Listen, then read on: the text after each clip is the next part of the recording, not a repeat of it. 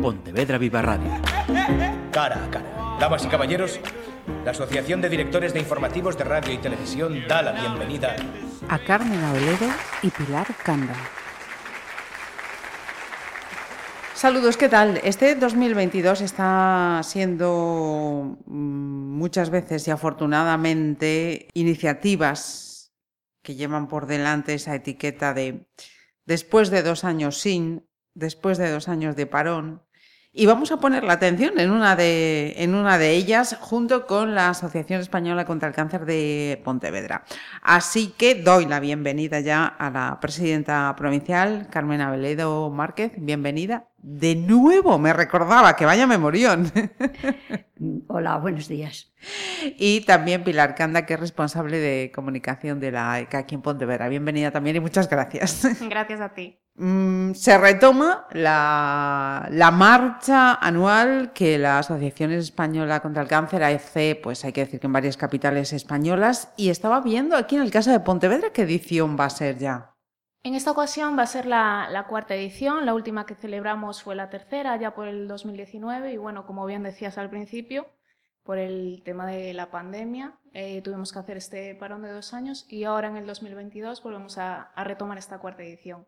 Comenzamos entonces. Mm, día, hora, lugar de esta cuarta marcha de la Asociación Española contra el Cáncer en Pontevedra. Bien, esta prueba deportiva, no competitiva, tendrá lugar el próximo día 2 de octubre y contará con un recorrido de 6,75 kilómetros aproximadamente, que se podrá realizar tanto corriendo como andando. Eh, está eh, abierta a todas las personas que quieran colaborar con la asociación y sin límite de edad. Entonces, em, cada uno su ritmo, nunca mejor dicho, caminando, más eh, a pasito tal, corriendo, sprintando, a, cacos, ¿no? Como dicen los, los, profesionales. Bueno, cada uno como mejor le venga.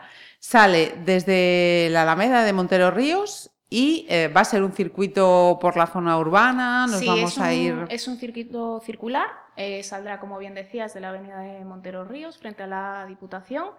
Será un circuito por el casco urbano de la ciudad de Pontevedra, nos acercaremos a las marismas de Alba y volveremos por el puente de las Corrientes al mismo punto de la, de la salida, la avenida de Montero Ríos. Sencillito, podemos decir, ¿no? Muy sencillo. Muy sencillo. Bien. Para todos los públicos. Y decía Carmen que todas las edades eh, pueden participar, o sea, que puede ir la familia al completo, desde él o la más pequerrecha hasta el abuelo o la abuela de, de casa. Efectivamente, de hecho, los niños de 0 a 3 años, la inscripción es es gratuita. Después tenemos de 4 a 12 años, que la inscripción ya serían 5 euros.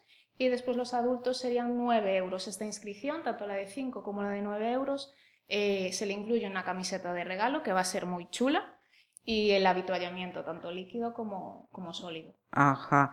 Y el dorsal, ¿no? También el va. Dorsal, efectivamente, sí. ¿Qué hay que hacer para inscribirse?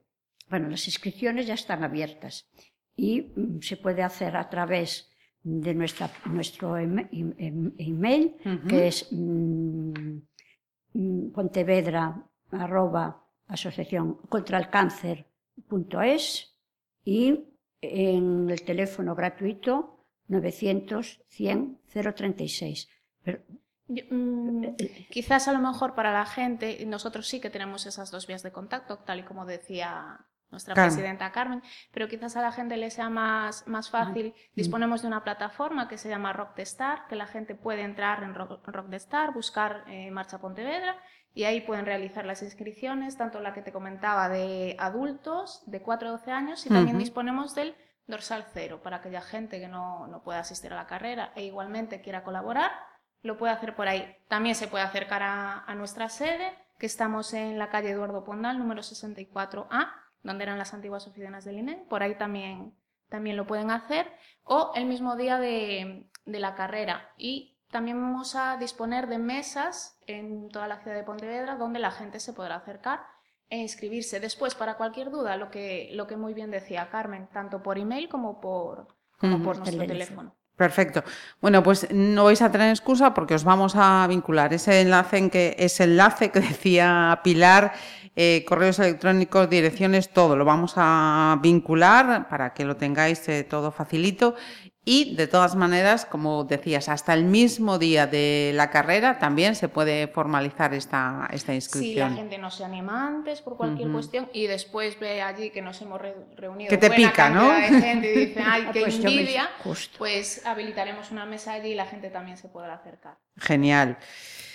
Em, Dorsal solidario también, hasta el día 2 se puede echar una mano en el caso de que no se pueda. solidario por la plataforma Rock de Sport o bien en el número de cuenta de, la asociación también puede hacer un, ingreso y colaborar de esa manera. Perfecto. La recaudación importante. Eh, ¿A qué se va a destinar? los fondos recaudados, como siempre, irán destinados a la investigación que financia la asociación y a todos los proyectos y servicios gratuitos que se prestan a diario en, nuestras, todas nuestras sedes. Es una cantidad que vamos a decir, bueno, pues nos importa un par de cervezas, se nos van también en, en algo como esto. Y tanto si vamos como si no vamos y queremos eh, ayudar, desde luego, esas cantidades, cualquier cantidad es importante, bienvenida, bien recibida y bien destinada, ¿no? Exactamente, por muy, aunque te parezca poquito, para nosotros supone supone una gran ayuda porque mm, incluso con 5 euros al mes estás contribuyendo a que una persona pueda tener un servicio de atención psicológica gratuita. Y eso, eso es muy importante, tanto atención psicológica como préstamo de material ortoprotésico, como atención social, información, ayudas económicas, todo es gratuito. Entonces, mm, tanto las aportaciones de la gente como nuestros socios, que es una parte fundamental en la asociación, nos permiten que, podamos seguir ofreciendo de manera gratuita y universal estos, estos, servicios. Voy a conducir esta charla por ahí precisamente mm, porque mm, estas enfermedades, además de todo lo, que conlleva para la persona y para su entorno más próximo, eh, también son un revés económico. Y desde la asociación ofrecéis ayudas económicas de emergencia. Eh, ¿En qué situaciones se, solicitan? ¿Han aumentado las demandas? Bien, a través de nuestros trabajadores sociales, eh, ellos acuden a los domicilios, normalmente son domicilios de tipo de personas más vulnerables. Normalmente al, tener una enfermedad como el cáncer, eh, se pierden ingresos, pues suele escoger una baja, una baja que suele ser larga y a veces pues suele ser permanente y entonces los ingresos están clarísimo, está claro que suelen disminuir.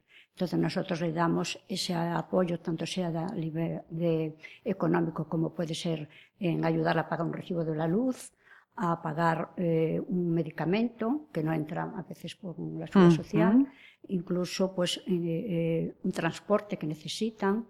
Entonces es muy importante cualquier colaboración, como acabas de comentar, sea pues dejarte tomar una cañita o dos durante un, día y colaborar en esta carrera solidaria, que está claro que eh, estos fondos recaudados se siempre van a ir destinados a, esas personas, sobre todo eh, las más vulnerables. ¿Ha aumentado esa, esa, demanda, esas necesidades? Sí, sí, ha aumentado porque eh, con la pandemia mucha gente pues, ha dejado de trabajar eh, han estado en un ERTE, en un ERE, entonces eh, sus ingresos han disminuido y sus necesidades al padecer un tipo de enfermedad como el cáncer, pues eh, han aumentado.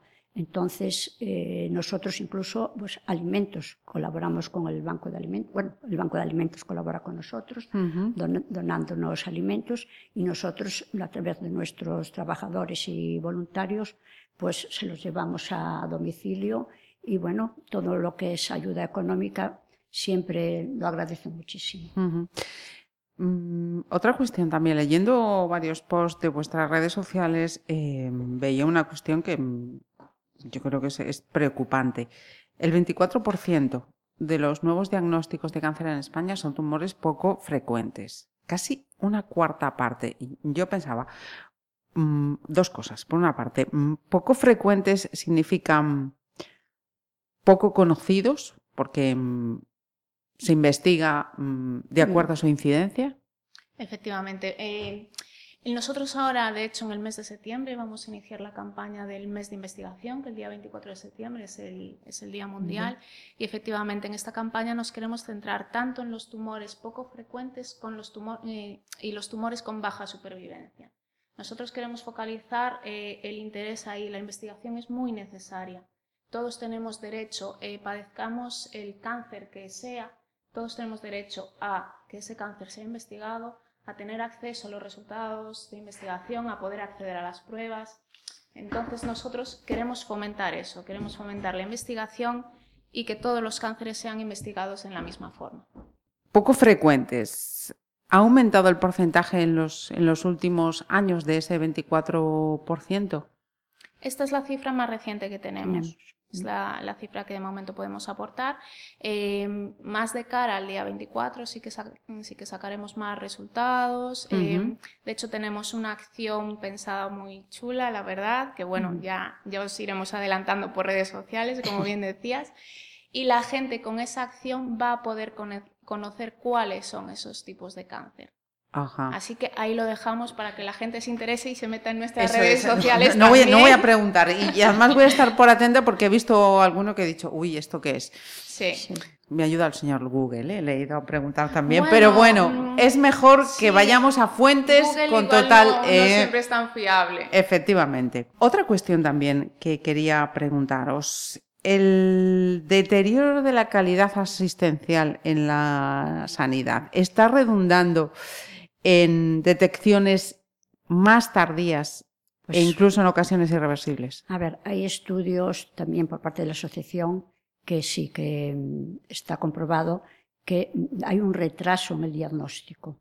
No es lo mismo que a ti te diagnostiquen un tipo de cáncer en un estadio, digamos, primario, primero, o grado 1, a que te lo eh, diagnostiquen ya en un estadio más avanzado el nivel de supervivencia no va a ser el mismo eh, para la persona que pueda curarse a estar más avanzado ese cáncer que estar en un estadio 1.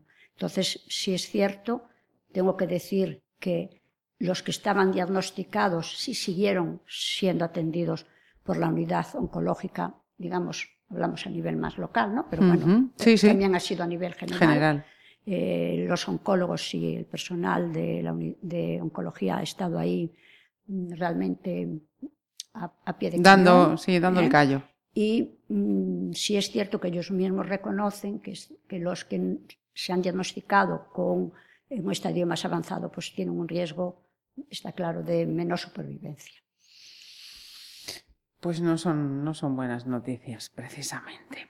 Eh, Vamos a ser un poco más optimistas. Quiero acabar también así con ese regustillo más, más dulce. En diciembre se va a cumplir el primer año en la nueva sede que nos citaba Pilar en Eduardo Pondal. Eh, así que la pregunta es cómo, cómo ha repercutido el cambio de ubicación. Bueno, primero ha repercutido en el espacio que eh, estamos a pie de calle, ¿no? Es decir, estamos mm, con una eh, la gente pasa por la acera y se queda mirando, ¿no? Y al estar antes como estábamos un entresuelo, pues la visibilidad no era la misma, ¿no?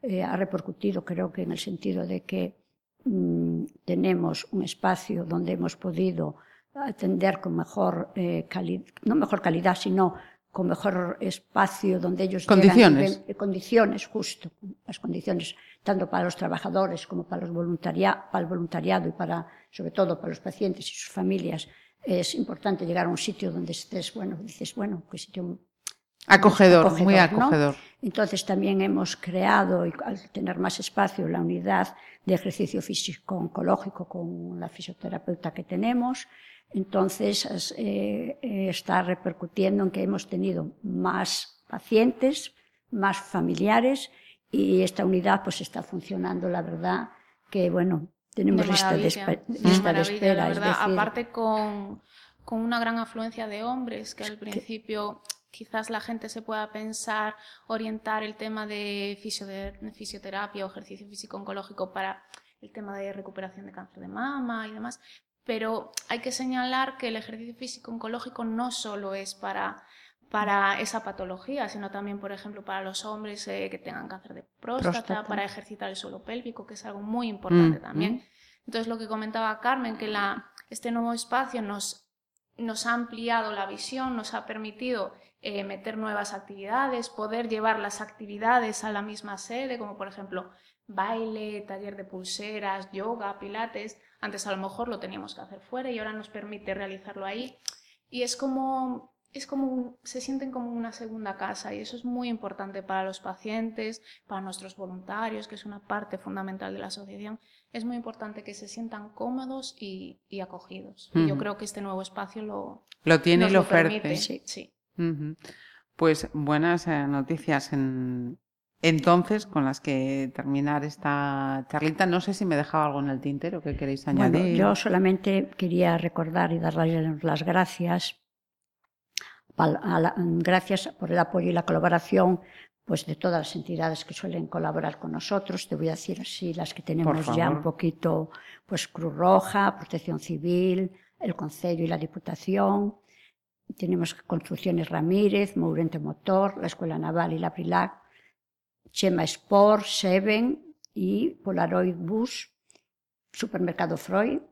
Y bueno, el que quiera seguir colaborando con nosotros, el cartel no está cerrado, pues los animo a que nos llamen y que los que quieran colaborar se pongan en contacto con nosotros en bueno, el email que hice antes, dije antes y el, Bueno, y a la gente animarla a que, a que, se inscriban, tanto en nuestra sede como por la plataforma o en las mesas en la que, calle que, vamos a poner. en Pontevedra y bueno, esperamos a reunir a mucha gente y, y poder ayudar un poquito más a nuestros pacientes y, y a su entorno. Pues eh, terminada esta conversación, no tenéis más que clicar en esos eh, enlaces y formalizar vuestras eh, inscripciones. Desde el más pequerrecho de la casa hasta los más mayores. Cada uno a su ritmo. Lo importante es participar, nunca mejor dicho. Carmen Pilar, muchísimas gracias. Gracias a ti. A, vosotros. Pontevedra Viva Radio. ¿Me permiten que les haga un comentario como espectadores del programa Cara a Cara? Según un reciente sondeo de mercado, ustedes disponen de estudios e inteligencias superiores a la media. Sus intereses abarcan desde la actualidad mundial y la ciencia hasta el deporte y los espectáculos.